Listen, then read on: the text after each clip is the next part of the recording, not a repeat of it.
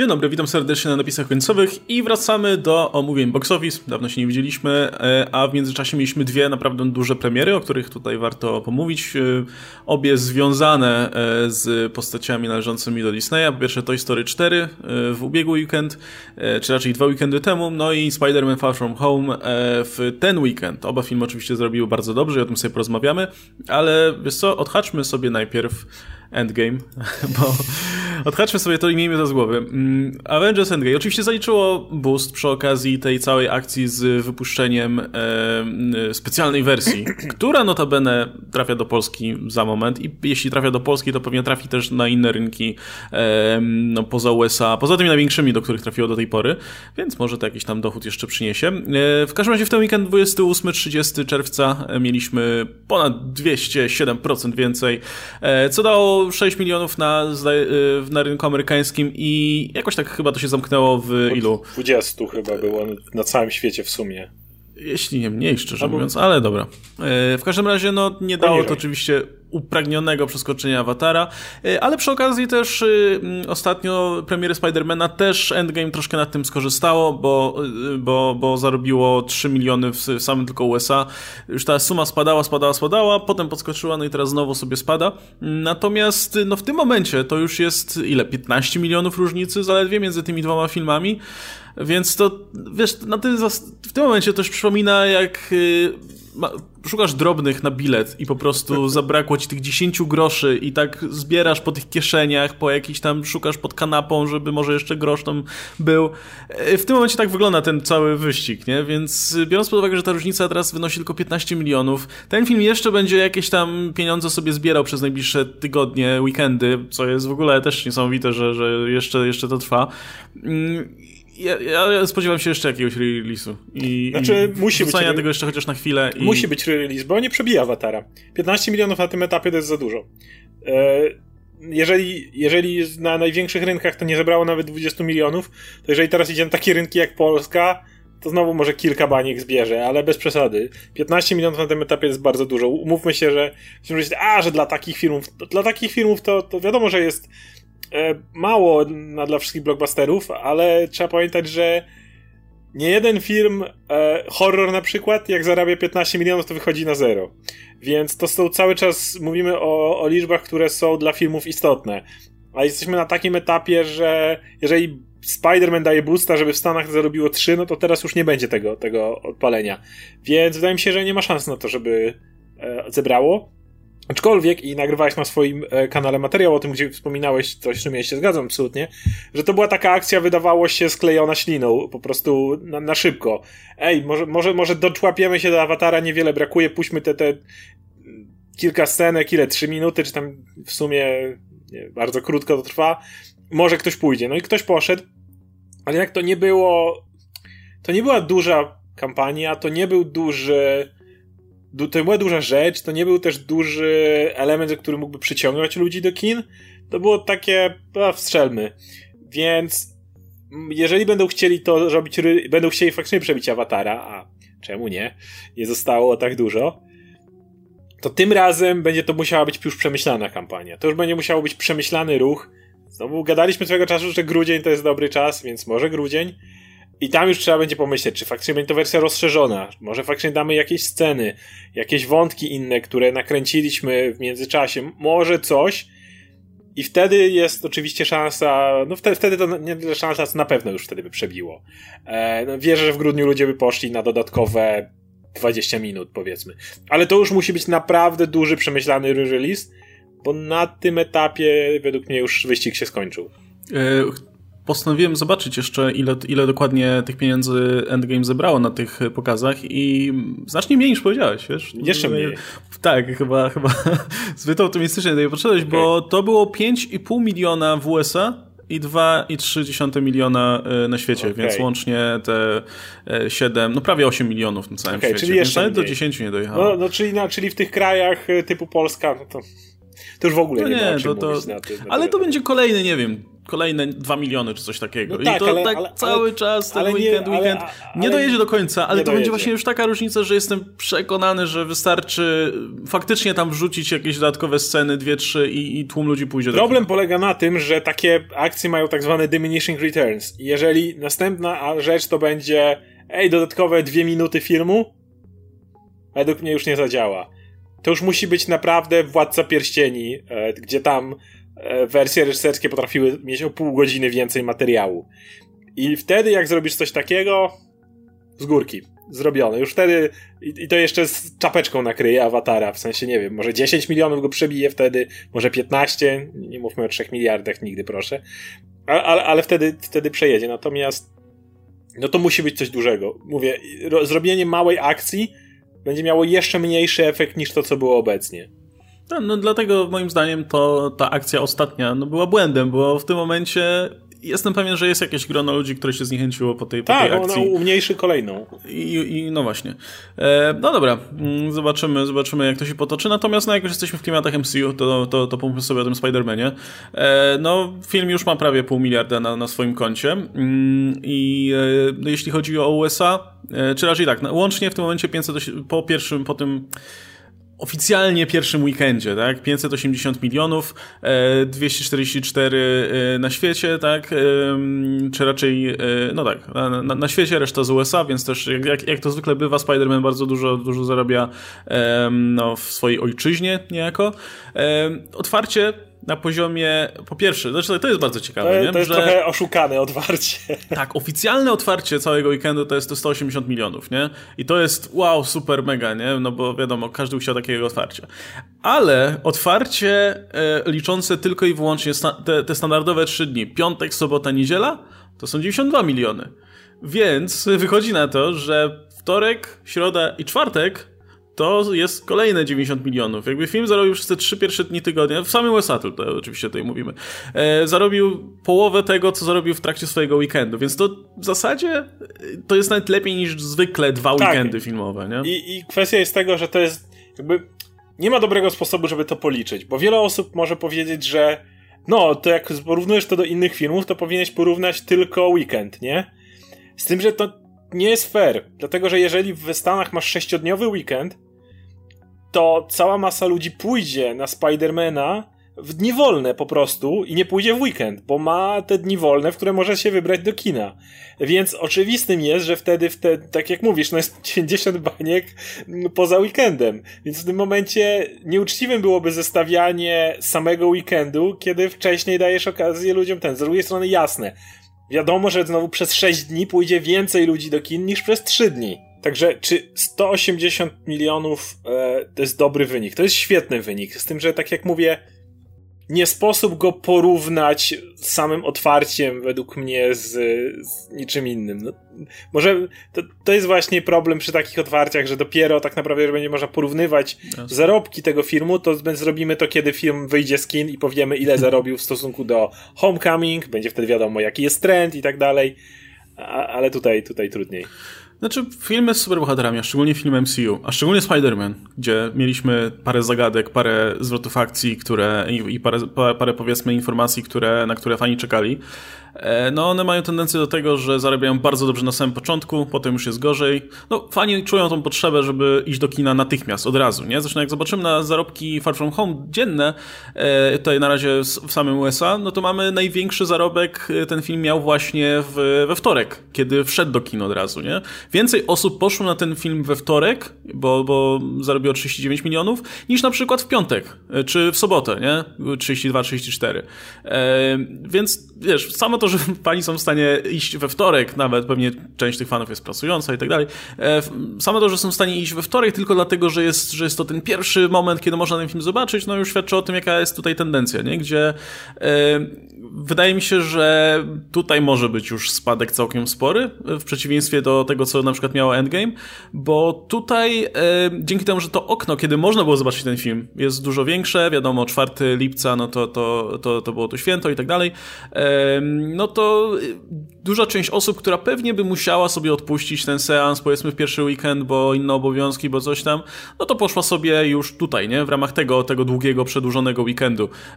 Podejrzewam, że znajdzie się sporo osób, które były nie, nie tylko raz w, tutaj w trakcie, nie? Tym bardziej, że film miał dobre przyjęcie. Jasne, na pewno sporo osób wróci drugiego, trzeciego, dru za, za, drugim czy trzecim razem, ale wydaje mi się, że kto miał, wiesz, kto miał duże ciśnienie, żeby ten film zobaczyć, no to, to na pewno ruszył już, tu, już tutaj w ramach, te, w ramach tych pierwszych dni w tygodniu. Na tą chwilę wydaje mi się, że spadek może być większy niż 50% i to solidnie, no bo znowu będziemy porównywać trzy dni drugiego weekendu z sześcioma dniami tego pierwszego. Więc y, no, spadek może być większy. No i oczywiście pojawia się wtedy pytanie, czy e, Spider-Man dojedzie do miliarda i czy przebije Captain Marvel. Na tą chwilę powiem, że nie. Ale e, tutaj absolutnie oczywiście no zweryfikuje nas drugi weekend właśnie. Drugi weekend będzie zawsze jest tym najlepszym wyznacznikiem, żeby zobaczyć rozpęd, bo wiadomo, że w pierwszy mogą iść najbardziej zagorzali fani i to często wygląda bardzo optymistycznie, a potem spadek jest ogromny. E, nawet, nawet Dark Phoenix miało, e, o którym zaraz pogadamy pewnie, mia, miało beznadziejne otwarcie, ale spadek to był w ogóle katastrofalny. Gdyby tam, się, tam była normalna tendencja, wyglądałoby to inaczej, ale to zaraz. Także, no mówię, zawsze ciężko jest, że tak powiem, wyrokować bez chociaż tego drugiego weekendu. Na tą chwilę wydaje mi się, że jest lekkie zmęczenie jednak e, po endgame. Jasne, to jest epilog, więc poradzi sobie lepiej niż Ant-Man and the Wasp. I to jest Spider-Man, więc poradzi sobie lepiej niż Ant-Man.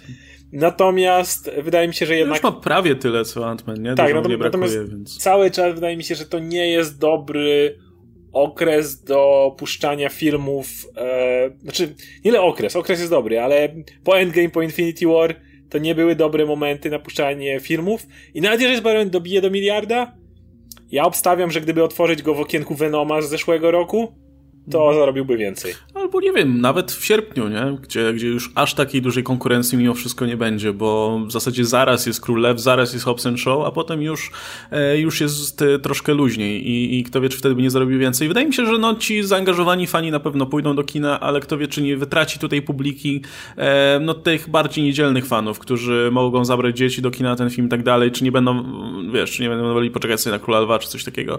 E, tym bardziej, że właśnie no, ten drugi weekend będzie nie tylko decydujący pod tym względem, że pokaże nam spadek, ale też to będzie ten jedyny weekend, kiedy nie będzie konkurencji praktycznie żadnej, nie? Więc za tydzień jeszcze faktycznie, kto będzie chciał wrócić na ten film, no to będzie mógł na niego wrócić, bo nie będzie konkurencji. Dopiero 19 e, lipca jest, jest Królew, zaraz potem jest, e, no też powiedzmy wolny weekend, no bo jest film Tarantino, który nie do końca tutaj się publika pokrywa. No a potem jest Hobson Show, kolejna superprodukcja, więc już raczej tutaj się ten pochód skończy. Jest jedna rzecz, jedna kwestia, która jeszcze według mnie mam minimalne szanse, żeby e, Endgame przegoniło Awatara jeszcze w tym e, ranie w kinach i ma szansę wywindować Spidermana, mm. to jest Comic Con.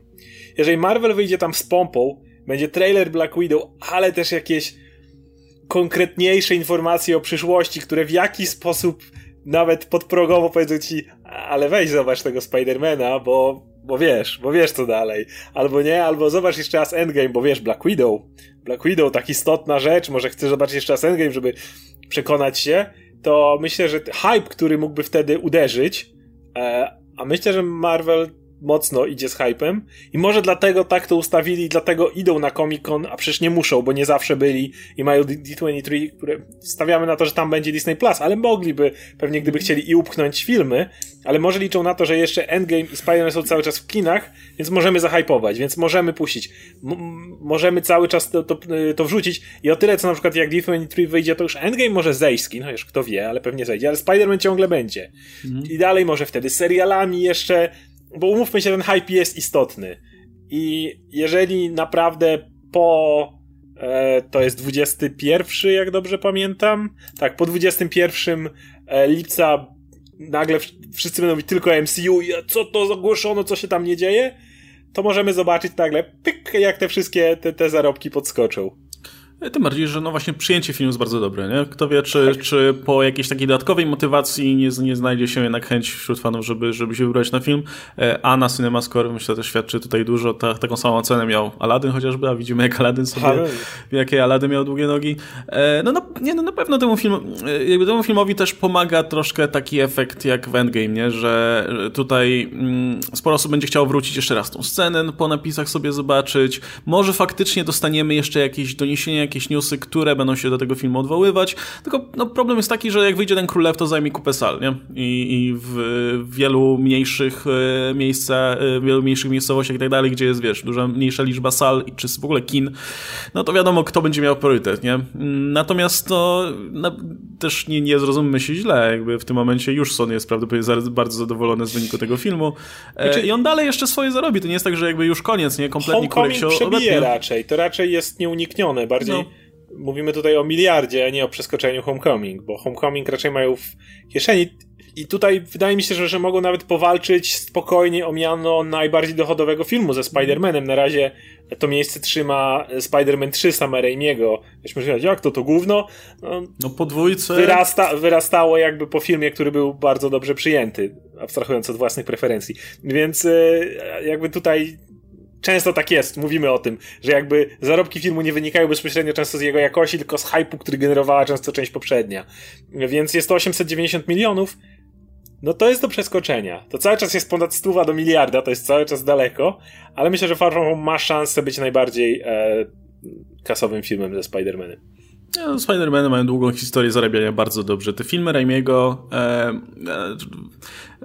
nie bawimy się tutaj, nie wiem, w ustalanie ceny według inflacji i tak dalej, ale używając jakichkolwiek kategorii, żeby jakoś zbliżyć tamte realia do współczesnych, czy weźmiemy pod uwagę właśnie cenę pod względem, wiesz, wzrostu inflacji, czy na przykład liczbę sprzedanych biletów, no to te filmy Raimiego spokojnie przebijają to, co było później. Był ogromny hype wówczas na to. To, to było nowe podejście do, do kina superbohaterskiego i tak dalej.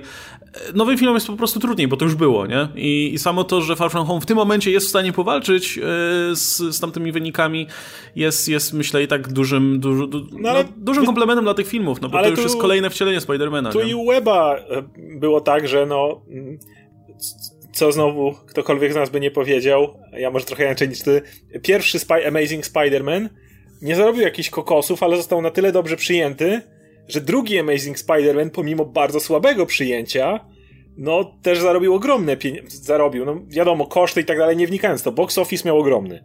I to był już, to był reboot cały czas i tak jak mówię, Far From Home ma świetne przyjęcie, e, a, a tamten film miał naprawdę fatalne i znowu mówimy tutaj o dwa filmy, które tutaj zarabiały świetnie, czyli Spider-Man 3 i Amazing Spider-Man 2, czyli te gorzej przyjęte.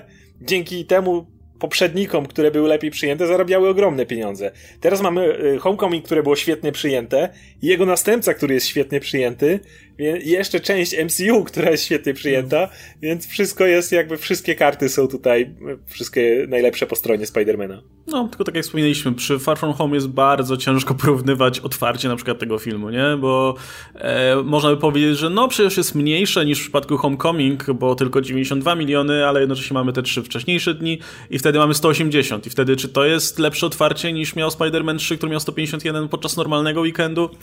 Cholera wie, nie? No ale na pewno Sony może się cieszyć, to na pewno jest, jest u nich pewniak, więc y, jeśli kogoś y, nie przekonuje kwestia tutaj, czy, czy podpisali kolejną umowę z Marvelem, czy nie, myślę, że to jest po prostu w ciemno. E, to, jest, to jest dla nich złoty układ. Te filmy zarabiają, po prostu przynoszą im pieniądze od razu. A jeszcze są dobrze przyjmowane, co też nie było regułą, nie? E, no dobra, słuchajcie, czy coś jeszcze o Spider-Manie? Nie, chyba jedziemy, jedziemy sobie dalej. E, no to Toy Story 4. Film, który w tym momencie już jest y, no, drugi weekend w kinach, czy trzeci weekend, przepraszam, trzeci weekend już jest w kinach, bo on premierował w USA 20, 21 czerwca, a nie 28, więc to już jest trzeci weekend. Miał bardzo dobre otwarcie, 120 ile miał? 120 milionów otwarcia? Nie, tak, 120 milionów otwarcia. Mniej niż prognozy zapowiadały. Więc od, od razu były artykuły, że u niedobrze, niedobrze. Tutaj prognozy dawały tam 150 coś takiego, a jest tylko 120 ale wydaje mi się, że tak jak w przypadku Spider-Manów i innych filmów superbohaterskich, te filmy są, jakby mają bardzo dużo otwarcia, potem sobie radzą różnie, jakby te spadki są, są już takie dosyć znaczące. W przypadku Toy Story 4 i innych filmów kierowanych dla dzieci, dla całych rodzin i tak dalej, przynajmniej tak, tak e, targetowanych, e, wydaje mi się, że e, tutaj jest większa szansa, że otwarcie będzie ciut mniejsze, ale że film będzie sobie radził w kolejnych weekendach coraz lepiej, no bo... Do Króla Lwa jest to jedyna opcja właściwie obecnie, żeby pójść z całą rodziną wiadomo, Spider-Man to co innego, ale tu można iść z młodszą też rodziną, więc dopiero Król Lew będzie tym tym, tym, no. tym filmem, który zabierze jakby miejsce. Zazwyczaj te filmy superbohaterskie mają właśnie dużo otwarcia, a potem spadek tam 55 do 60, coś takiego. No to historia miała spadek 50%. 50%. Ze 120 e, to jest bardzo dobrze, potem było 43 i, ten, i to będzie malało i malało, więc film naprawdę zarobi porządne pieniądze. E, już w tym momencie już ma 656 milionów na całym świecie, e, a w zasadzie jeszcze nie dotarł na wiele rynków, więc jeszcze jest szansa, żeby ten wynik poprawić. Kto wie, czy, czy też nie dobiją do tego miliarda, w, tak, jak, tak jak część trzecia, nie? Myślę, że już troszkę za duży impet wytracił, chociaż pytanie brzmi, no w Polsce jeszcze nie mam pytania brzmi, jak dużo rynków jeszcze się nie dołożyło, więc to też jest tutaj kluczowe. E, jakby idąc tym tempem raczej by nie doszli do miliarda, ale tak jak mówię, mówimy, na wielu rynkach jeszcze, jeszcze jest szansa na te dodatkowe zastrzyki finansowe. No pewno nie jakieś bardzo duże, ale... ale no. Natomiast warto powiedzieć też z tego, o przyjęciu. Co, z tego co patrzę, to na, na tej liście już sporo rynków jednak jest, story... szczególnie zachodnia Europa. Toy Story 4 plasuje się bardzo źle, jeśli chodzi o Rotten Tomatoes w stosunku do reszty serii. No, ponieważ tak, mieliśmy 100%, 100% i Toy Story 3 miało tylko 98%. No Toy Story 4 kontynuuje tą niechlubną tradycję, również mając tylko 98% pozytywnych. No słabo, ale stabilnie. Więc słabo, ale, ale, stabilnie. No już nie to co kiedyś. No i Audience Score, który przypominamy od jakiegoś czasu ma większe znaczenie na Rotten Tomatoes, do 94%. Więc jest zarówno przez widzów, jak i krytyków ten film e, uwielbiany, co może również przysłużyć się dłuższym nogom i kto wie, czy nie lepszym otwarciom e, w innych krajach. Bo to, to jest, jest taka mechanika, która jest często używana właśnie celowego rozstrzelenia otwarć, właśnie po to, żeby dobre słowo się rozniosło. Czasami to działa tak, że w Stanach otwierają tydzień później, Niektórzy mówią, jak to w Stanach, że to nie ma sensu. Właśnie dlatego czasami w Wielkiej Brytanii, nawet zdarzało się, że i w Polsce mieliśmy coś tydzień przed Amerykanami, po to, żeby do Amerykanów doszły informacje o tym, że to jest super film, że wszyscy chodzą, że są świetni i wtedy tam im to pompowało otwarcie. Oj, w Chinach jest bardzo warto otworzyć, szczególnie jeśli to jest duży film e, superbohaterski albo jakiś tak. po prostu blockbuster. Otworzyć to w Chinach, nawet, nie wiem, trzy dni wcześniej czy coś takiego e, i wtedy wiesz, że no, rynek chiński jest jeszcze bardziej pod tym względem, już wspominaliśmy tym wielokrotnie, że no tam pierwszy weekend się liczy, może jeszcze potem drugi, a potem już koniec. Więc y, wiesz, wypuszczasz film w Chinach, nagle e, 200 milionów na przykład, nie? Czy 150 milionów. I do Stanów, już do Stanów idzie, że film jeszcze u nas nie wyszedł, a już zarabia 200 milionów? Co jest? To jakiś musi być mega hit, nie? Więc no, to jest dobra, dobra promocja. Więc te otwarcia, tak jak mówisz, to nie będą ogromne pieniądze, ale mogą być wyższe niż w innym wypadku. Mhm. No, słaby rok dla Disneya generalnie. Kolejny film i Mo może, może nawet nie będzie miliarda, nie wiadomo. A może będzie. E, no to jak już jesteśmy przy słabym roku Disneya, no to Aladdin. E, dobie, już dobijający znowu do miliarda. Jezus Maria. To, który to jest, czekaj, który to jest weekend? E, tak, siódmy weekend i ten film ciągle jest w pierwszej piątce tak. e, wyników w USA i prawdopodobnie jest, byłby też wysoko w tym światowym. E, już ma 900, ponad 900 milionów na koncie jeśli do Króla Lwa nie dobije do miliarda, to już nie dobije, ale come on, 923 miliony przy Aladynie, który nawet nie ma aż tak dobrego przyjęcia. Jest, znaczy, ma świetne przyjęcie wśród widzów, ale to jest taki film, że idziesz się pośmiać i pośpiewać razem z bohaterami piosenki, które znasz i lubisz. Więc... Jeszcze nie da się ukryć też, że no, pomogła na pewno Aladynowi słabsza konkurencja niż mogłoby się wydawać.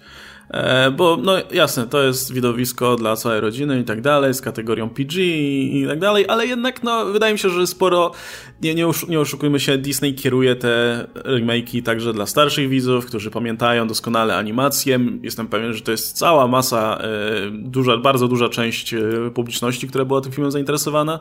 No i to są też ci sami ludzie, którzy mogliby śmiało zostawić te pieniądze, nie wiem, u Godzilli albo Men in Black i tak dalej, ale no nie, no ten, ten Aladdin jest, jest na pewno, spotkał się z dużo lepszym przyjęciem niż, niż inne blockbustery.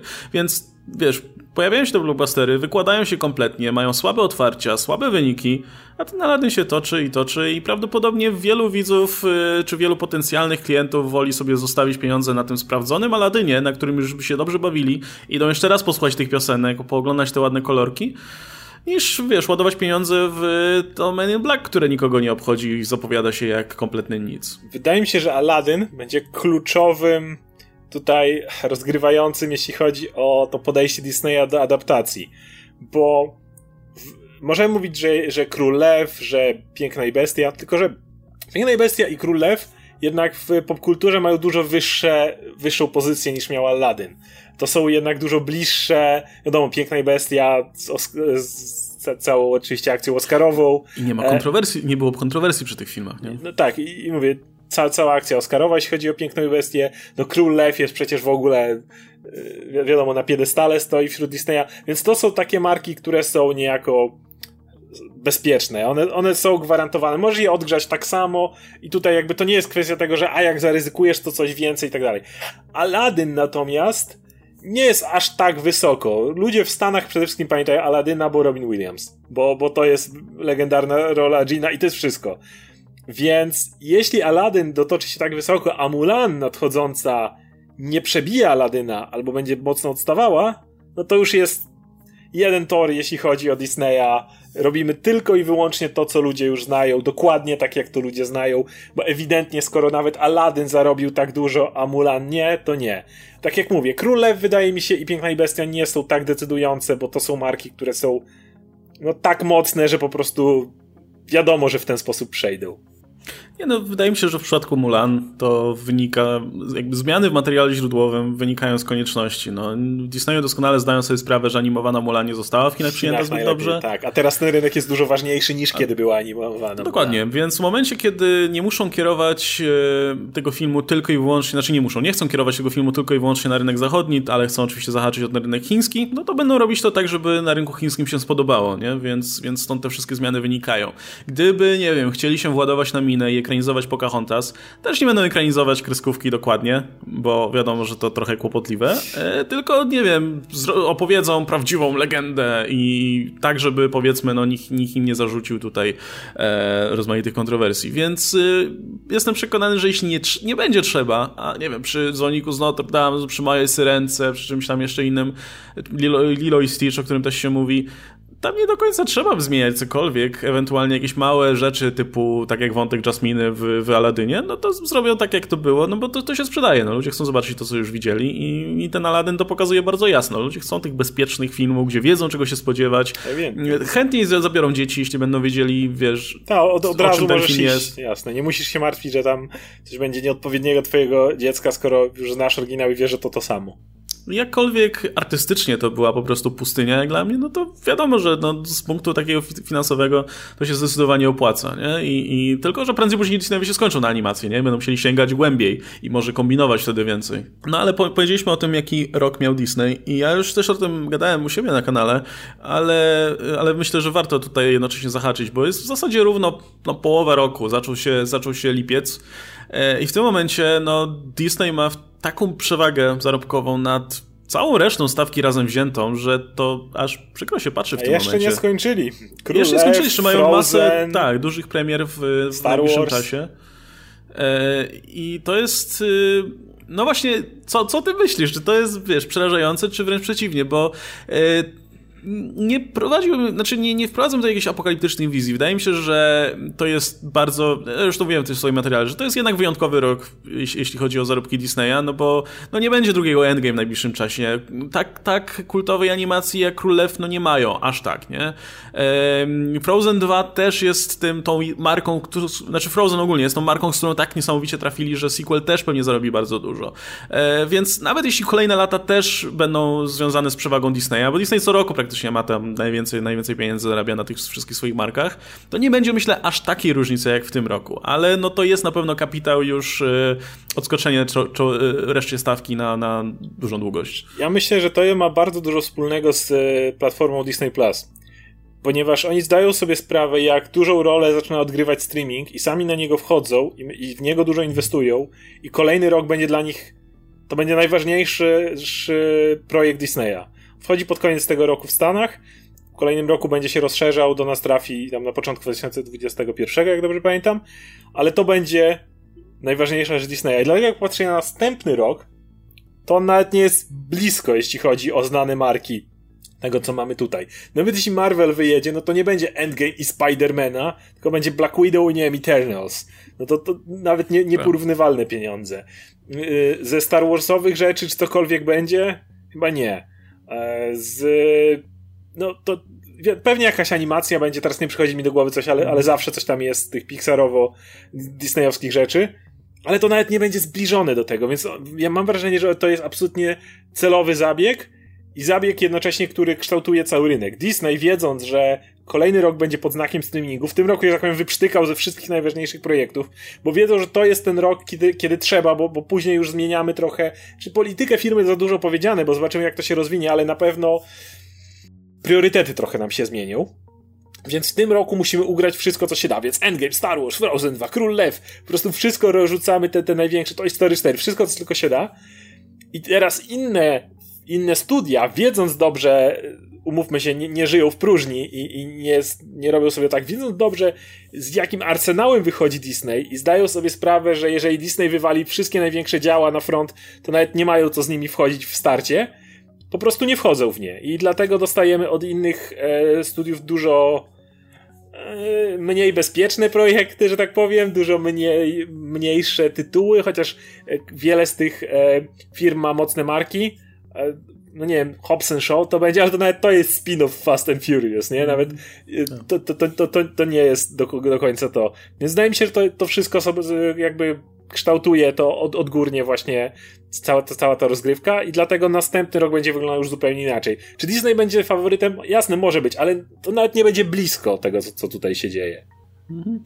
Nie, no jasne, to jak się, jak się spojrzy na te listy innych e, wytwórni, no to na dobrą sprawę, i zresztą mieliśmy ten problem przy okazji naszego top 3, nie? nie za bardzo nawet jest z czego wybierać. Jeśli, jakieś takie blockbustery, z którymi można było wiązać jakieś nadzieje, można było policzyć na palcach jednej ręki i wcale dużo więcej ich nie wychodzi w, w tym roku. Naprawdę Disney tak obstawił każdy miesiąc praktycznie, że podejrzewam, że studia nie jakby plan, planując powiedzmy daty swoich premier, pewnie mieli to na uwadze, wiesz. No po, po co wie, walczyć przykład, o, no, o, o skrawki? No tak zrobił z Wonder Woman. No Patty Jenkins mówiła, że jest trochę niezadowolona z tego, że, że przesunęli, ale to według mnie to jest dobry ruch. Ten, ten rok stał pod znakiem Endgame, stał pod znakiem Marvela. W następnym roku Wonder Woman może sobie poradzić doskonale, kiedy będziemy mieli już zupełnie już Endgame będzie jakiś czas temu i tak dalej. Wydaje się, że to był absolutnie dobry ruch. Po jaką cholerę walczyć z tymi, tymi tytanami Disneya, skoro wiesz, że Disney w następnym roku będzie cisnął w streaming i wiesz, że oni będą tam ładowali pieniądze, tam będzie największa promocja, bo to jest ten projekt, który muszą rozruszać ponad wszystko. Więc spokojnie możemy sobie wyrzucić nasze filmy w następnym roku, gdzie takiej konkurencji nie będzie, gdzie nie będziemy musieli, wiesz, zbierać resztek ze stołu. No i to wygląda jeszcze ciekawie, jak się zajrzy na tą listę Worldwide Grosses w tym roku bo na pierwszym miejscu no, mamy Avengers Endgame, potem mamy Captain Marvel, potem jest Aladdin, e, który coraz, coraz bardziej skraca dystans do Captain Marvel swoją drogą. Potem jest ta, ten chiński rodzynek, Wandering Earth, który ma 6, prawie 700 milionów na koncie, ale już zaraz za nim jest Toy Story 4 i pewnie go przeskoczy, przeskoczy. bez problemu. E, potem jest Spider-Man, Spider Far From Home. Też rodzynek Sony, ale no wiadomo, że związany tutaj z własnością Disneya. No i tutaj się powiedzmy kończą te rzeczy, które, które należą do Disneya. Gdzieś tam dalej jest jeszcze Dumbo, który no, no nie, nie najlepiej sobie poradził generalnie. No ale tak, mamy jeszcze Króla Lwa. I on tu gdzieś w tej pierwszej pewnie trójeczce się, się umości. E, mamy Frozen 2. Też myślę, że gdzieś tam wysoko sobie... Pierwsza piątka sobie... może nawet? Straciłem trochę... A, no Star Wars jeszcze Star będzie, Wars.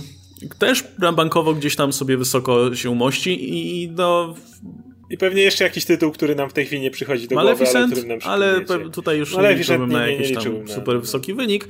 Ale no, patrząc na to, że dziesiątkę póki co zamyka Godzilla z wynikiem 380, myślę, że ta Maleficent gdzieś tam się w, w kto wie, nie, tak, czy, czy nie wciśnie do pierwszej dziesiątki. E, natomiast z innych wytwórni, no It 2 pewnie zarobi sensowne pieniądze. Ale właśnie, myśl, czy myślisz, że It przebije jedynkę? Bo wydaje mi się, że może nie przebić, bo jednak pierwsza część nie mówię, że to był zły film, ale uderzył w nostalgię mocno. I jasne, że się spodobał wielu osobom, ale ja nie jestem pewien, czy dwójka na pewno zarobi tyle samo. To będzie hit, to zarobi ogromne pieniądze i tak dalej, ale, ale jednak wydaje mi się, że jednak te It 1 to był taki ogromny fenomen. To jednak było coś, co aż tak łatwo tego nie powtórzysz. Ja bym z ciekawości zobaczył, jak, czy, jest już, czy jest już jakiś tracking na, nasz, na naszym nowym ulubionym serwisie Box Office Pro. Pro. Ale nie, nie chyba jeszcze nie ma żadnego oficjalnego trackingu. E, znaczy, co, wydaje mi się, że to też będzie troszkę zależało od odbioru. E, na razie nie widać w ogóle hype'u za bardzo, nie? Jakby pojawił się ten pierwszy teaser, który się spotkał z dobrym odbiorem, ale od tamtej pory jest cisza, ludzie żyją innymi rzeczami, no ale jeszcze zostało trochę do premiery, więc być może uda się, może, może i dobrze, że czekają z tym. Już myślę, że Warner pokazał e, przy okazji Godzilli, że nie ma co się spieszyć z tym, z tym reklamowaniem filmu, bo, bo Godzilla, jak pierwszy raz pojawił się ten, ten trailer rok temu na Comic-Conie, był duży hype, duże zainteresowanie, a potem to chyba tylko ja sam tutaj siedziałem i jej, Godzilla, nikt tutaj za bardzo tego nie podzielał. Natomiast jeśli, jeśli z tym IT poczekają troszkę może bliżej premiery i wtedy wypuszczą sensowną kampanię, wydaje mi się, kurczę, wydaje mi się, że, że ten film, wizerunek tego nowego Pennywise'a i tak dalej, na tyle się zakorzenił już tutaj w świadomości odbiorców, że ja, myślę, że jest szansa. Może, może nie, nie, nie, sądzę, żeby to był dużo wyższy wynik, ale myślę, że jest spokojnie w stanie dojechać do tych 800-700. Pytanie, jaką będzie miał konkurencję jeszcze? Odpalę kalendarz i zerknę tutaj. Hops i Show, Scary Stories, ok. No, nie ma za bardzo konkurencji. Z tym, że z drugiej strony musisz patrzeć na to, że wrzesień to jest jednak nie najlepszy miesiąc, jeśli chodzi o największe zarobki. Nie, ale to jest dobry, dobry miesiąc dla horrorów generalnie. Tak, ale, ale wiadomo, co znaczy dobry miesiąc dla horrorów, a jakby w jakich progach obraca się It. It pierwsze nie zarobiło jak dobry horror, It, It pierwsze zarobiło jak dobry blockbuster. Więc to jest jakby inna skala, więc ciężko stwierdzić na tym etapie. E, no tak, tylko że wiesz, no, pierwsze IT też wychodziło w, dokładnie w tym samym okresie, też na początku września. No tak, wiem. I też nie ty... miało żadnej większej konkurencji, też było duże, wiesz, duże, duże zainteresowanie odnośnie tych materiałów promocyjnych. No jeśli uda mi się poprowadzić marketing, to myślę, że, że dadzą sobie radę. Mogę się no, mylić, nie ale, ma ale pewnie... bezpośredniej konkurencji innego blockbustera nawet tak, w tym czasie, nie? Mogę się mylić, ale, ale jakby no, jak, jak będzie marketing i ten marketing będzie znowu tak mocny, bo IT pierwsze miało ten po prostu wszędzie widziało się tego, tego, ten balonik, te wszystkie elementy. Więc, więc e, jeżeli drugie IT będzie miało na podobnym poziomie marketing, to okej, okay, wierzę. Natomiast ogólnie mówię, to jest taki fenomen, żeby horror za tak małe pieniądze zarobił takie pieniądze ogólnie. Tak jak mówię, to nie jest, to nie były zarobki na poziomie dobrego horroru. Nawet nie były zarobki na poziomie, wiesz, mm, Get Out, czy coś takiego, które również zarobiło ogromne pieniądze. Mówię, to był, to był zarobki na poziomie świetnie przyjętego blockbustera, więc no, Cały no czas cie, otwarcie, otwarcie było bardzo takie no, niehorrorowe, nie? 120 milionów. Jakby wiesz, no może się trafić, jakby ogólny zarobek tak jest, tak jak wspomniałeś, ponad to, co ten, ale okej, okay, zrozumiałem jeszcze, że wiesz, że film ma się cieszy niesamowitym zainteresowaniem, tam sobie zarabia, zarabia, zarabia, no ale tutaj już jakby na starcie było duże zainteresowanie. Dużo tak. będzie na pewno zależało od tej kampanii, której jeszcze nie widzimy. No, nostalgia oczywiście swoją drogą, no ale e, Stranger, Stranger, Things trzeci sezon wszystkim się podobał, więc jest szansa, że ludzie będą chcieli więcej mm. dzieciaków. Wiemy, że w tym filmie oczywiście będziemy mieli też dorosłą obsadę, ale dzieciaki wrócą, więc pewnie nie dziwię się, jak będę, i tak trailery będą promowane tymi, tymi młodymi twarzami razem z tymi e, dorosłymi, więc kto wie, mm, myślę, że to musieliby się naprawdę postawić, żeby stracić ten kapitał z pierwszej części mimo wszystko. E, to słuchaj, a propos, jak jesteśmy w ogóle przy horrorach, to ja jeszcze jestem, jeszcze muszę zahaczyć koniecznie o y, Annabelle. E, bo to jest trzecia osłona cyklu Annabelle w ramach tego całego cyklu Conjuring i to też jest bardzo ciekawy przypadek, bo tak, e, ten film no, miał otwarcie takie sobie. E, odpalę sobie może e, odnośnie jak to wyglądało w Conjuring ogólnie. No i to otwarcie no, jest, jest raczej, raczej słabe. Mówimy tutaj o 20 milionach dolarów, gdzie dwie pierwsze Annabelle miały tam 30, 37, coś takiego, Conjuring miały jeszcze więcej, najwięcej miała zakonnica. Ale wydaje mi się, że ta Annabelle teraz niestety bardzo, e, bardzo, ja mówię, nie, nie pamiętam chyba w naszym którymś omówieniu horrorowym, tak, jak gadaliśmy o Annabelle Comes Home, to uznaliśmy, że kurczę, to jest fajne uniwersum, tylko że każdy tak kiepski film jak, jak Zakonnica E, w dużej mierze podkopuje zainteresowanie tym ogólnym uniwersum. Że, że tutaj naprawdę widać tę różnicę. I wydaje mi się, że Annabelle, która była no, tą najpopularniejszą kreacją, powiedzmy, tego uniwersum, samo to, że no, to jest już trzeci spin-off z tą lalką, no, wydaje mi się, że bardzo, bardzo straciła na tym, że Zakonnica była bardzo kiepsko przyjęta. A w międzyczasie jeszcze było to Curse of La Llorona, też niby część uniwersum, która no, też nie spotkała się z dobrym przyjęciem, więc nie dziwi mnie to, że Annabelle ma gorsze otwarcie niż powinna mieć, bo ponownie, film ma dobre recenzje, ma postacie Warrenów, e, Patricka Wilsona i Wele Farmiga i tak dalej, więc to troszkę się kojarzy jak w ogóle jak kolejna odsłona Conjuring, ale jednocześnie zainteresowanie na starcie było bardzo małe. No ale z drugiej strony widać, że film został dobrze przyjęty, bo tak jak zazwyczaj horrory mają niezłe otwarcie, potem ten spadek jest tam 60-70%, tak to zwykle wygląda, tak tutaj mamy bardzo mały spadek, bo 53%, więc może jednak uda im się tutaj e, jeszcze, to odratować. Na pewno dobry wynik Annabelle, dobre przyjęcie, no to, to, to do, do, e, będzie miał znaczenie, biorąc pod uwagę, że kolejny film będzie kolejny Conjuring, nie? Tutaj na, tym, na tych filmach jednak zarabiają najwięcej. No a przy tym, no to i tak wiadomo, film zarobił już, nie? Bo to, 135 milionów. Nie wiem, jaki tak. jest budżet, bo na e, box office może nie jest on podany. Mówmy się, to nie są drogie filmy. 30-35 e, milionów, coś takiego. Co i tak jest sporo jak na horror, nie? Ale no. tutaj już jakby jest, jest pewna renoma, jest pewna marka. No i 135 milionów już na całym świecie, więc to no, no na luzie. Natomiast y, myślę, że to otwarcie jest tutaj symptomatyczne, nie? że mimo, że jest to, że, że na papierze wszystkie klocki były ładnie rozłożone, to jednak widać, widać ile złego zrobiła ta zakonnica. Pan not intended oczywiście. Także to jest, to jest bardzo ciekawa sytuacja. No, ale i tak Annabelle radzi sobie lepiej niż na przykład Chucky. Chucky nie zarabia jakoś tam specjalnie rewelacyjnie, e, mimo że też miał całkiem dobre e, opinie. E, może, może jest, wiesz, pewien pewna granica, ile filmów o demonicznych zabawkach tutaj ludzie są w stanie przetrawić w ciągu roku. Ehm, dobra, czy, czy jeszcze w, w tym box office jest tutaj coś interesującego? No, musimy porozmawiać o Dark Phoenix, bo to jest największy przegrany po prostu to jest film, który. To teraz będzie, to będzie cały segment o przegranych, bo, bo ja mam jeszcze jeden film do, do, do ale... wspomnienia, ale to w takim razie pierwszeństwo dla Dark Phoenix. Niech Dark spoczywa Phoenix, w pokoju. który mu, były zastanowienia, czy dojdzie do 250 milionów. Jest obecnie 249, więc już niedaleko. Ale ten film kosztował 200 baniek. I analitycy podają, że jakby procentowo jest większą porażką niż Fantastyczna Czwórka ostatnia. Tak, ta Fantastyczna Czwórka, gdzie Doktor Doom wysadzał głowy. Więc y, to, to mówi bardzo dużo. To jest film, który w wielu krajach zszedł z kin.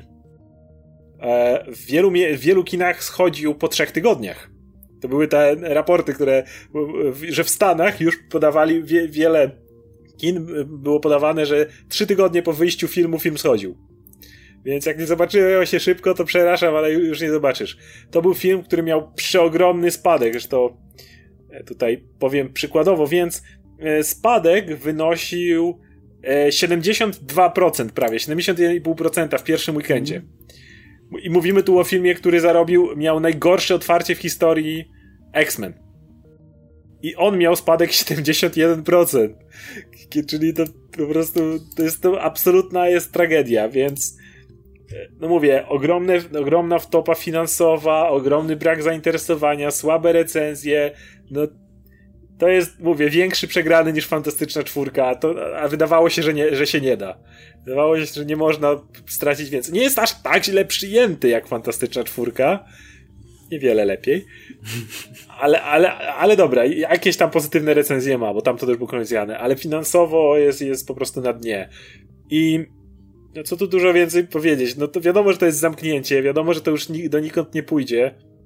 Jeżeli ktoś e, miałby nadzieję na powrót pewnych aktorów takie jak w pewnym innym filmie, o którym nie powiem, żeby nie spoilować, e, z tej marki, to nie liczyłbym na tą chwilę. Wydaje mi się, Lepiej że. dla nich, żeby już nie wracali. Wydaje mi się, że właśnie po takim filmie jak Dark Phoenix, jeszcze gdyby to była też jednorazowa wpadka, ale już Apokalips był nie, mieszany przyjęty, ale Apokalips zarobił. Ale po takim Dark Phoenix wydaje mi się, że wszystko, co będzie związane z tym filmem, będzie zalewane betonem natychmiast po prostu. To, to, to nie będzie po prostu mowy o, o czymkolwiek. E, więc, no, to więcej gada, to jest koniec. To jest absolutny koniec. I, i, i szkoda, że, że tak fajna marka odchodzi z no, czymś takim. Bo, bo jak po drodze można było wybaczyć genezę, po drodze można było wybaczyć nawet ten apokalips. Ale tutaj no, to, to, to jest kumulacja całego rozczarowania po prostu widowni i, i zmęczenia tym. No kurczę, no ta seria, umówmy się, ta seria powinna się skończyć dużo wcześniej.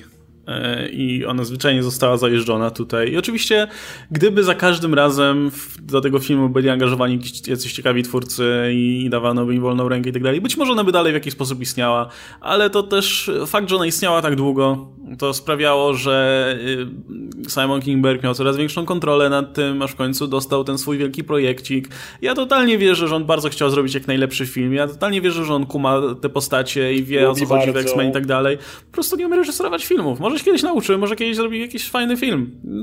Być może. Może za 20 lat wróci do tematu blockbusterów i zrobi świetny blockbuster, jakoś się nauczy, ale no, no nie da rady wziąć dużego projektu i wziąć kogoś z ulicy, żeby, żeby umiał nagle reżyserować, nie? Jedna rzecz, w momencie, w którym no, zakładamy, że jednak Disney skończy im ten New Mutants i wypuści w następnym roku, kampania New Mutants będzie tak grubą krechą odcinała się od Dark Phoenix i uniwersum X-Men, jak to będzie tylko możliwe. Nie będą nic wspominać o jakichkolwiek powiązaniach. Jeżeli jakich, na jakimkolwiek etapie filmu jest nawiązanie, to jest ono właśnie wycinane.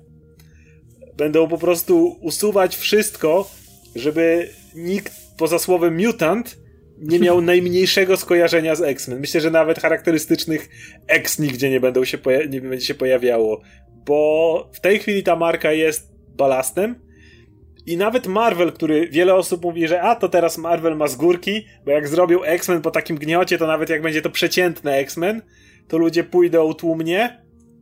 Wydaje mi się, że jest pewien poziom porażki. Gdyby to było coś na poziomie bardzo źle przyjęte, ale jeszcze zarobiło jakieś pieniądze, wtedy bym się zgodził. Na tym etapie X-Men stał się absolutnym balastem i trzeba będzie. E, jasne, to, to dalej jest prawdą, że Marvelowi jest przez to łatwiej jakościowo z filmem, ale wydaje mi się, że teraz te 5 lat Kevina Feigiego robi dużo większy, ma dużo większy sens po prostu. Bo trzeba odczekać, trzeba, żeby ludzie zapomnieli o, o Dark Phoenix, o tej porażce, żeby na nowo wprowadzać swoich mutantów. Tak, ale jednocześnie Dark Phoenix jest dużą porażką, ale umówmy się, to, to działa w ten sposób, że minie te parę lat, i ludzie będą pamiętać te dobre filmy, a nie te złe filmy. E, będą pamiętać te dobre role, a nie te złe role, a jednocześnie odczekamy już na tyle, że nikt nie będzie chciał, żeby wracali, ani z tym stylu. Będą w stanie ludzie już spokojnie zaakceptować, myślę, nowych odtwórców, nowe postacie. E, więc no, to jest, to jest jedyne, co, co, co w tej sytuacji warto zrobić. Ale wiesz, nie? że e, oficjalna teoria spiskowa jest taka, że to Disney wszedł na plan, wszystko pozmieniał sam, sam Walt Disney w sensie, nie? Się, się, się rozbroził. Może jest mutantem. Wszedł na, dokładnie. Y, y, się wszedł na plan, pozmieniał i zmienił, żeby stracić pieniądze, bo dalej ludzie nie rozumieją, że to nie Fox stracił pieniądze, tylko Disney. I, i tak, żeby, żeby po prostu było, że tylko Marvel dobry. Ale no, cóż, widać, widać bardzo jak na dłoni, jak to zainteresowanie marką spadło niemalże do zera i no, film wyszedł. W pierwszym tygodniu no. poszli wszyscy zainteresowani, których i tak nie było dużo. I tak mieli dość tego filmu najwyraźniej. No, znaczy, jestem pewien, że tam znajdą się jakieś pojedyncze osoby, które stwierdzą, że no dobry film, super film, najlepszy. Najlepszy w tym Spoko, roku. nie ma, nie ma problemu, ale no to jest dramatyczna mniejszość, biorąc pod uwagę, że no, spadek był jaki był. Z nie? faktami nie, nie powalczysz, to, to po prostu wyraźnie pokazuje, właśnie dlatego mówię, że dlaczego lubimy omawiać box office, bo każda opinia jest subiektywna i każdemu film może się podobać, ale no to jest przyjęcie. To pokazuje, że nie tylko mało ludzi było zainteresowanych, ale ci, którzy poszli również nie powiedzieli znajomym idźcie. Mhm. Jasne. Wręcz przeciwnie. No to jeszcze jedna porażka. E, troszkę może poza zakresem tematów, które zwykle tutaj podejmujemy, ale ja byłem ciekaw, jak sobie ten film poradzi. Ja jak widziałem trailery, no to wyglądały tak sobie, może to jest tego wina, ale, ale byłem ciekaw, jak ten, jak ten film sobie poradzi, szczególnie biorąc pod uwagę, że ostatnio filmy muzyczne są bardzo popularne. Więc yy, mam na myśli film Yesterday, który jest no, niedużą brytyjską produkcją, brytyjską? Chyba brytyjską. E, w każdym razie, no za kamerą jest dany reżyser, Danny Boyle, który tutaj e, z, oczywiście no, miał kręcić Bonda. No i film to miał sensowny budżet, 26 milionów, jak na tego typu produkcję całkiem nie, nieźle, no ale miałby, był przede wszystkim promowany tymi piosenkami Beatlesów. Jakby fabuła jest o tym, że, że ludzie zapominają na całym świecie o Beatlesach, jeden gość o nich pamięta, więc śpiewa ich piosenki i, i robi karierę. Urocza historia, tak, wiadomo, że na końcu to pewnie zostanie wyjawione całe kłamstwo i tak dalej, whatever. E, ale myślałem, że kurczę, że jeśli ten film będzie nie niesiony tym, że o, muzyka Beatlesów i tak dalej, no to swoje zarobi, ale ten wynik jest naprawdę, naprawdę bardzo, bardzo słaby. 26 milionów budżetu, 57 póki co milionów na całym świecie. Przy dobrych wiatrach ledwo wyczłapał. No, ledwo i myślę sobie, kurczę, więc to jest może trochę i dobre zjawisko, że po prostu nie wystarczy wziąć jakiegoś znanego zespołu, wrzucić piosenki do trailerów i już śmiga. Bo wiadomo, że ten film nie musiał wyrobić jakiegoś wielkiego wyniku jak blockbuster, ale, ale to i tak jest bardzo słabo. E, zresztą wydaje mi się, że najlepszym sposobem, żeby ocenić w jakikolwiek sposób, czy, czy dany film muzyczny jest hitem, to to, czy nagle e, wykonawca, który jest tam, wiesz, używany w tym filmie, nagle robi się super popularny, tak jak to było przy okazji Bohemian Rhapsody, czy też na może mniejszą skalę, ale jednak e, było z Eltonem Johnem. Tylko właśnie Rocketman Słyszałeś więcej Beatlesów ostatnio? Bo ja nie, nie więc... ale Rocketman jest świetnie świetnie przyjęty, ale z drugiej strony też nie rozbił banku, bo Bohemian Rhapsody było dużo, dużo bardziej kasowym no, filmem. jasna sprawa. Aczkolwiek, e, tak jak mówię, wydaje mi się, że jeżeli mówimy już o samym Eltonie, to jakby jeszcze się rok Eltona nie skończył, bo Królew przed nami. A, no. Więc ja, wydaje mi się, że to jeszcze może się gdzieś tam po, po, pozazębiać i kto wie, czy i Rocketman trochę pieniążków nie zarobi więcej, jak ludzie sobie przypomną te piosenki i stwierdzą, o to może jednak pójdę, bo jeszcze będzie w kinach. Więc tu, tu jeszcze Natomiast też, wiesz, no ten wynik z prawie no, 173 milionów przy 40 milionach budżetu, no to jest bardzo, bardzo spoko wynik. Myślę, że tam są zadowoleni generalnie, ale podejrzewam, że też liczyli na to, że przy okazji popularności Bohemian Rhapsody i tak dalej też tłum ludzi ruszy i na ten film do kina tylko, że z drugiej strony troszkę mnie to nie dziwi, bo to jednak jest trochę inny film, taki bardziej charakterystyczny. Jak coś jest bardziej charakterystyczne, trochę bardziej w jednym stylu, no to jest większa szansa, że kogoś to zrazi, nie? E, Bohemian Rhapsody to był jednak ten taki, taka hallmarkowa drama e, o muzyku z trudnym charakterem, uzależnionym od narkotyków, e, chorym na AIDS, i to było takie bardzo nie, proste i do rzeczy, sprawdzone, masa piosenek. No to było, skaczemy od piosenki do piosenki w zasadzie. Gdzie jednak Elton John no, ma tą taką oprawę bardzo dziwną, yy, no jest, jest yy, nie jest do końca realistycznym filmem. Wiadomo, podejrzewam, że sporo osób jednak, no nie kupowało tej konwencji do końca i to, i to trochę, i trochę szkoda, bo podejrzewam, bo, bo spodziewam się więcej takich filmów jak Bohemian Rhapsody, niestety. Takich, które biorą jakiegoś temat znanego muzyka i robią o, o tym bardzo bezpieczny film dla wszystkich. Bo oczywiście biopików muzycznych mieliśmy całkiem, całkiem sporo, nie? Z paroma nagradzanymi był ten Ray z Jamie Foxxem, było Walk the Line o, o Johnem Cashu, Niedawno było Straight Outta Compton, które było bardzo ciekawe swoją drogą. Ale te filmy były one nie były kierowane do wszystkich. Nie? To, to były filmy, które się skupiały w jakimś konkretnym aspekcie i, i, i tyle. Natomiast y, Bohemian Rhapsody mam wrażenie, że trafiło do ludzi tym, że Queen i to i wszystko. Jakby nic więcej tam nie było, więc też mała szansa, żeby kogoś to zraziło, kogoś nie Podejrzewam, że gdyby ten film bardziej się skupiał, nie wiem, na życiu prywatnym Freddie'ego Mercury'ego, no to byś musiał mieć narkotyki i tak dalej, o... romanse. Bo Bohemian Rhapsody wydaje mi się, że miało też lepszą promocję, ale może tego, no. że łatwiej im było promować, ale, ale jednak nie, nieważne jak film został przyjęty, ważne, że jednak kurde, promowany był bardzo dobrze. I tutaj trzeba, trzeba przyznać, że tu wiedzieli jak, jak w to pójść. No ale znowu mieli o tyle łatwiej, że od paru lat muzyką Queen się reklamuje w ogóle filmy, więc to, jeżeli reklamujesz film o Queen muzyką Queen, to masz łatwiej, nie? Mm. No, wiemy, jak DC swego czasu pojechało w tą, w tą, w tą stronę. Po prostu no, muzyka Queen jest wdzięczna do, do jednak takich filmów, nie? To są stadionowe hymny i, i tak dalej. To, to, się, to, to, to, zawsze dobrze wygląda w trailerach, zawsze dobrze wygląda w filmie. No, że ten film był już promowany oczywiście tymi scenami koncertowymi i tak dalej.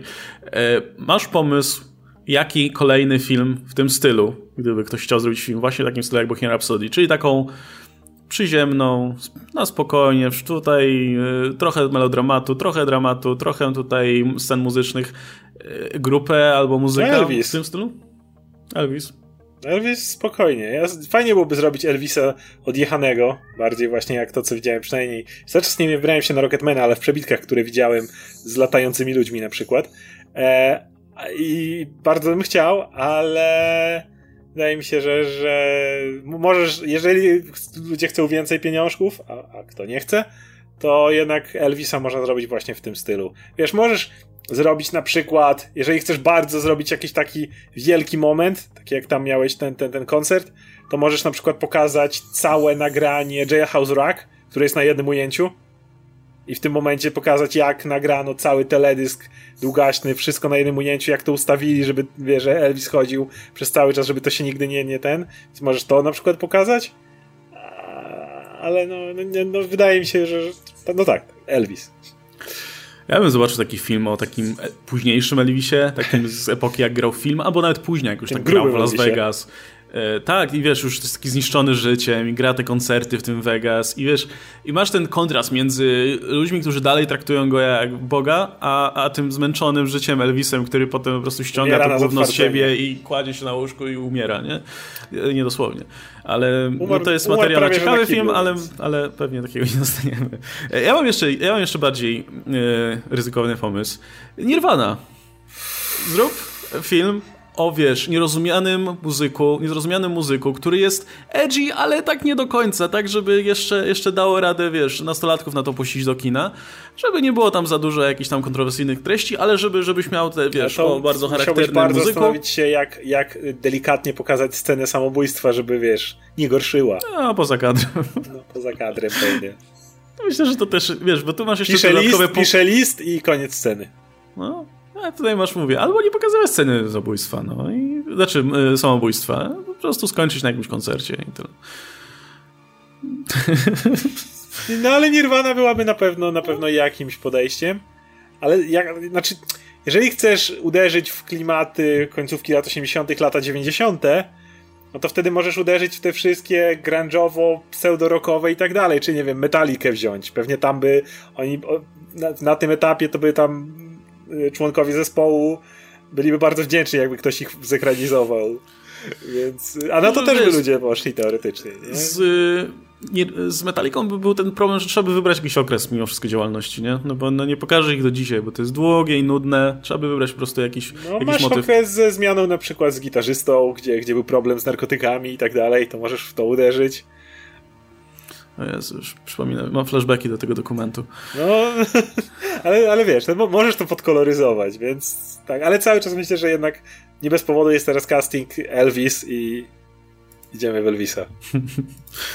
e, no dobra, to tyle chyba. Tak patrzę jeszcze po tych filmach. O Men in Black nic nie mówiliśmy, ale co tu dużo gadać. No, jest tam 100 milionów, 100 milionów budżetu i 235 milionów zarobku, czyli takie Coś tam zrobili, ale tych coś tam zrobili to jest, to jest cała masa właśnie. Masz Godzilla, 170 milionów, 382 budżetu, coś tam zrobili. No Godzilli już gadaliśmy, myślę, że nie zmieniamy zdania. Jakby to jest ten taki wynik na zasadzie, że e, okej, okay. jakby nie ma tragedii, nie? Nie Natomiast... jest na zasadzie, o kurwa mać, ale wtopiliśmy, zwijamy to wszystko, w ogóle jest, już. No, no nie, wiesz, no to...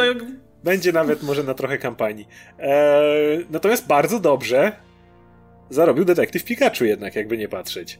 Kurde, adaptacja podstawie gry, 150 baniek, 430 zarobku. To jest naprawdę solidny wynik. To jest taki wynik, którego blockbustery, które nie mają wielkiego znaczka Marvel czy DC, naprawdę mogłyby pozazdrościć.